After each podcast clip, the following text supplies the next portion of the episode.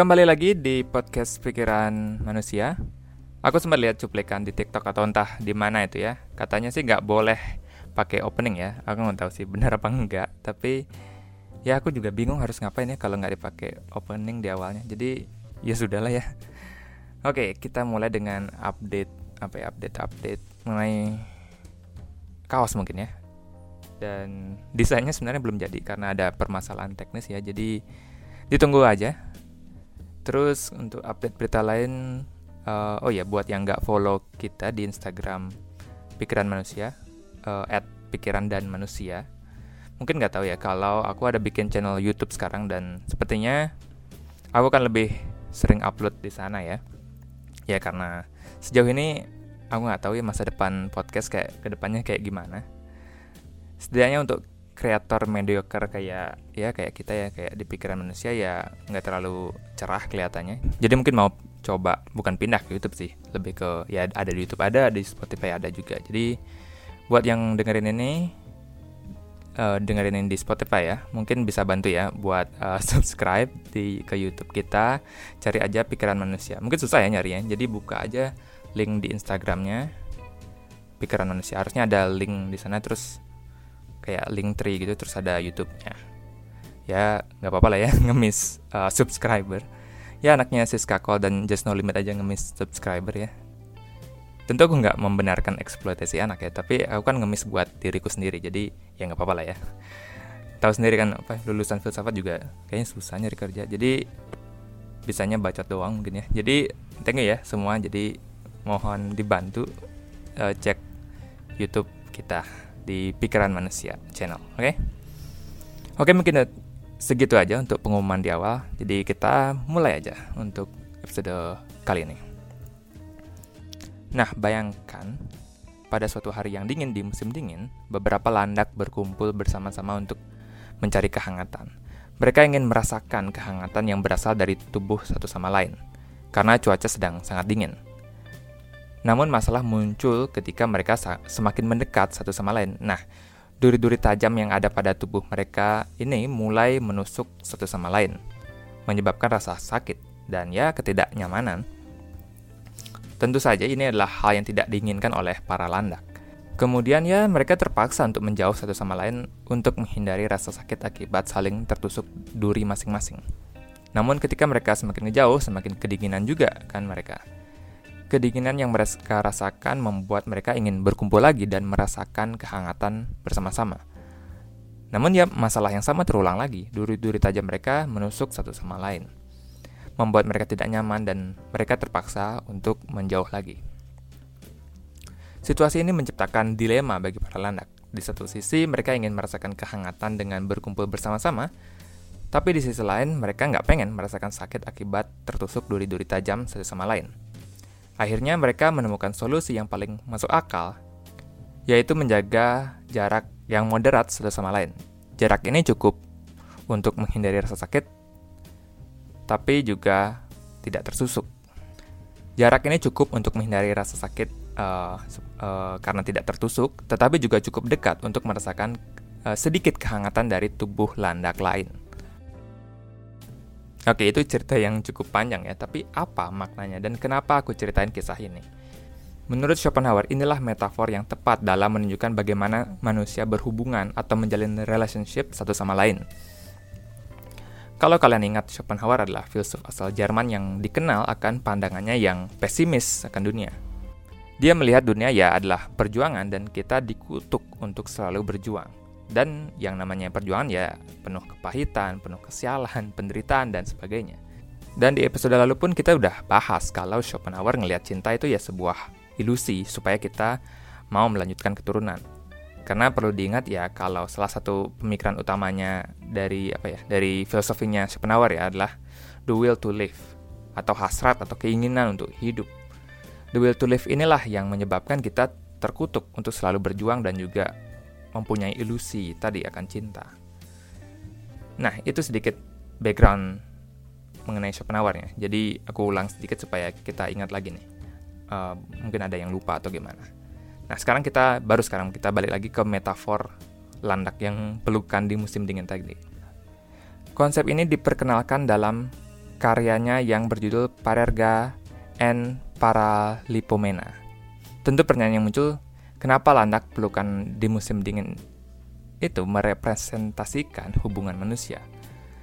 Dalam analogi ini, manusia memiliki kebutuhan untuk berhubungan sosial dan mencari kehangatan dari interaksi sosial. Saat kita memasuki dunia, kita sebagai manusia secara alami memiliki keinginan untuk berhubungan dengan orang lain. Ini adalah bagian dari sifat kita sebagai manusia, uh, sebagai makhluk sosial. Kita mencari kehangatan, gitu kan, dukungan dan hubungan sosial sebagai bagian dari kehidupan kita. Dalam kehidupan sehari-hari, keinginan ini tercermin dalam bentuk seperti apa ya, hubungan dengan keluarga, teman-teman, pasangan, atau bahkan dalam hubungan kerja. Kita ingin merasakan dicintai gitu kan, dia dihargai dan diterima oleh orang lain. Hubungan sosial yang kuat dan sehat dapat memberikan dukungan emosional, eh, kebahagiaan dan makna dalam hidup kita. Namun seperti landak ya, manusia juga memiliki sifat-sifat yang bisa dibilang menusuk orang lain. Ya, seperti sifat egois, iri hati, atau ketidakpedulian. Bahkan jika kalian merasa, oh aku orangnya nggak egois kok, aku orangnya nggak dengki orangnya. Tapi kurasa kita pun, mungkin aku dan kita semua, pernah menyakiti orang tanpa kita niatkan dan sadari. Ya konflik entah kenapa terjadi aja. Semakin de dekat suatu hubungan atau pacar atau pertemanan, tentu itu akan membuat kita merasa semakin hangat ya. Tapi kesakitan yang lebih juga akan menyertai itu pacar gitu bisa selingkuh atau bisa melakukan kekerasan ke kita, teman bisa berubah dan saling tidak memahami satu sama lain. Ya oleh karena itu untuk menjaga keseimbangan antara kebutuhan untuk berhubungan sosial dan menghindari konflik manusia juga perlu menjaga jarak yang moderat antara satu sama lain. Dalam konteks ini manusia ya bisa diwujudkan dalam bentuk tata krama gitu, bisa etika dan norma-norma sosial. Aku rasa ya, ini pengalaman pribadi aja ya. Kita udah sering ngeliat fenomena ini, terutama mungkin kalian yang uh, kuliah mungkin ya. Pasti akan ada grup atau circle yang deket banget gitu ya, ke mana-mana bareng dan selalu heboh dan happy. Tapi entah kenapa, aku cukup sering lihat itu jadi antara atau ada bubar lah atau drama, perkelahian dan lain-lain. Sedangkan yang mungkin yang nggak deket-deket banget, yang mereka yang masih jaga jarak, nggak terlalu sering ketemu, nggak selalu sering nongkrong ya biasanya ya, awet-awet aja. Aku sih nggak ngeklaim ini sebagai hal yang universal ya. Itu mungkin ini cuma pengalamanku sendiri aja. Tapi mungkin nggak tahu versi kalian gimana. Apakah kalian ngelihat fenomena yang sama kayak yang aku lihat atau gimana? Nah, dalam fenomena landak di atas, para landak atau kita manusia ya, akhirnya memutuskan untuk menjaga jarak, yang moderat. Tidak terlalu di kedinginan, tapi tidak terlalu dekat sampai tertusuk atau terasa sakit. Aku sendiri merasa solusi tadi tidaklah apa ya, bukan cerita seluruhnya.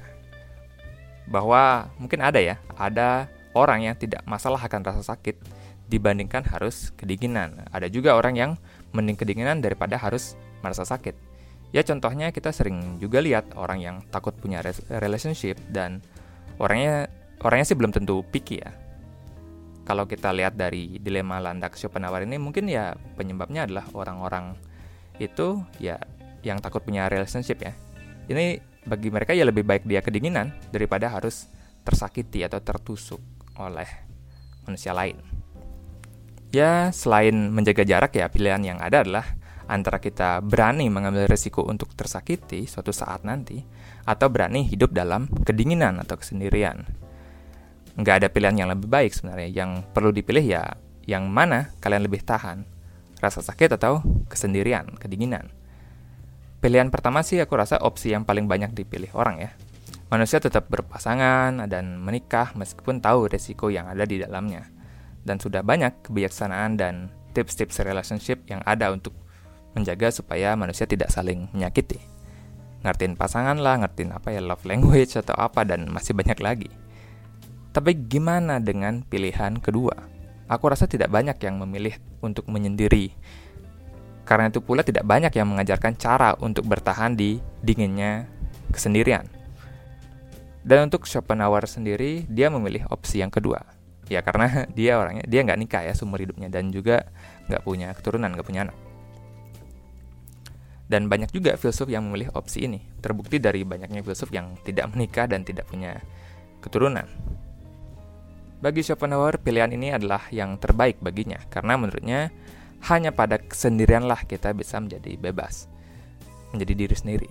Schopenhauer bilang gini, seseorang hanya bisa menjadi dirinya sendiri selama dia sendirian. Dan jika dia tidak menyukai kesendirian, dia tidak akan menyukai kebebasan karena hanya ketika dia sendirian, dia benar-benar bebas. Dan ketika Schopenhauer bilang sendirian ya, berbeda artinya dengan kesepian. Solitude berarti memilih untuk menyendiri, sedangkan loneliness ya berarti kesepian. Dan kesepian akan menimbulkan banyak masalah negatif pada manusia, terutama mental ya, karena kita adalah makhluk sosial. Blaise Pascal aja pernah bilang bahwa semua permasalahan manusia berasal dari ketidakmampuan manusia untuk duduk diam di dalam ruangan sendirian.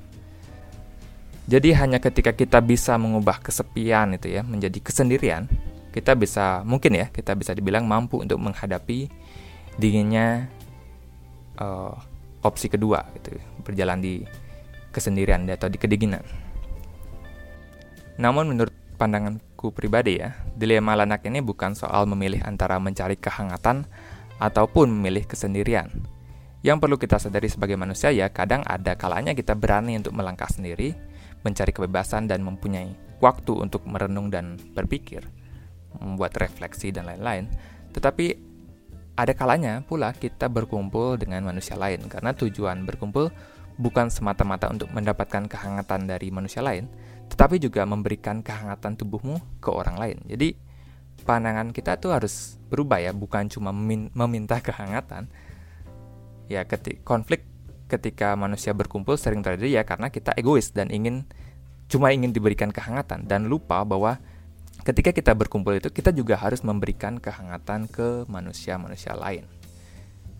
Ya itulah dilema yang menghantui hubungan manusia dari sejak dulu kala. Jadi gimana? Apakah kalian akan mengembrace kesakitan itu sendiri supaya mendapatkan kehangatan atau kalian memilih untuk menghadapi kedinginan untuk menjadi bebas.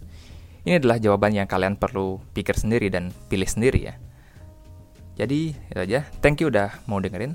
Bisa follow akun Spotify Pikiran Manusia dan juga subscribe ya di channel YouTube Pikiran Manusia. Linknya cari di Instagram karena kayaknya susah dicari. Oke, sampai jumpa di episode berikutnya. Bye.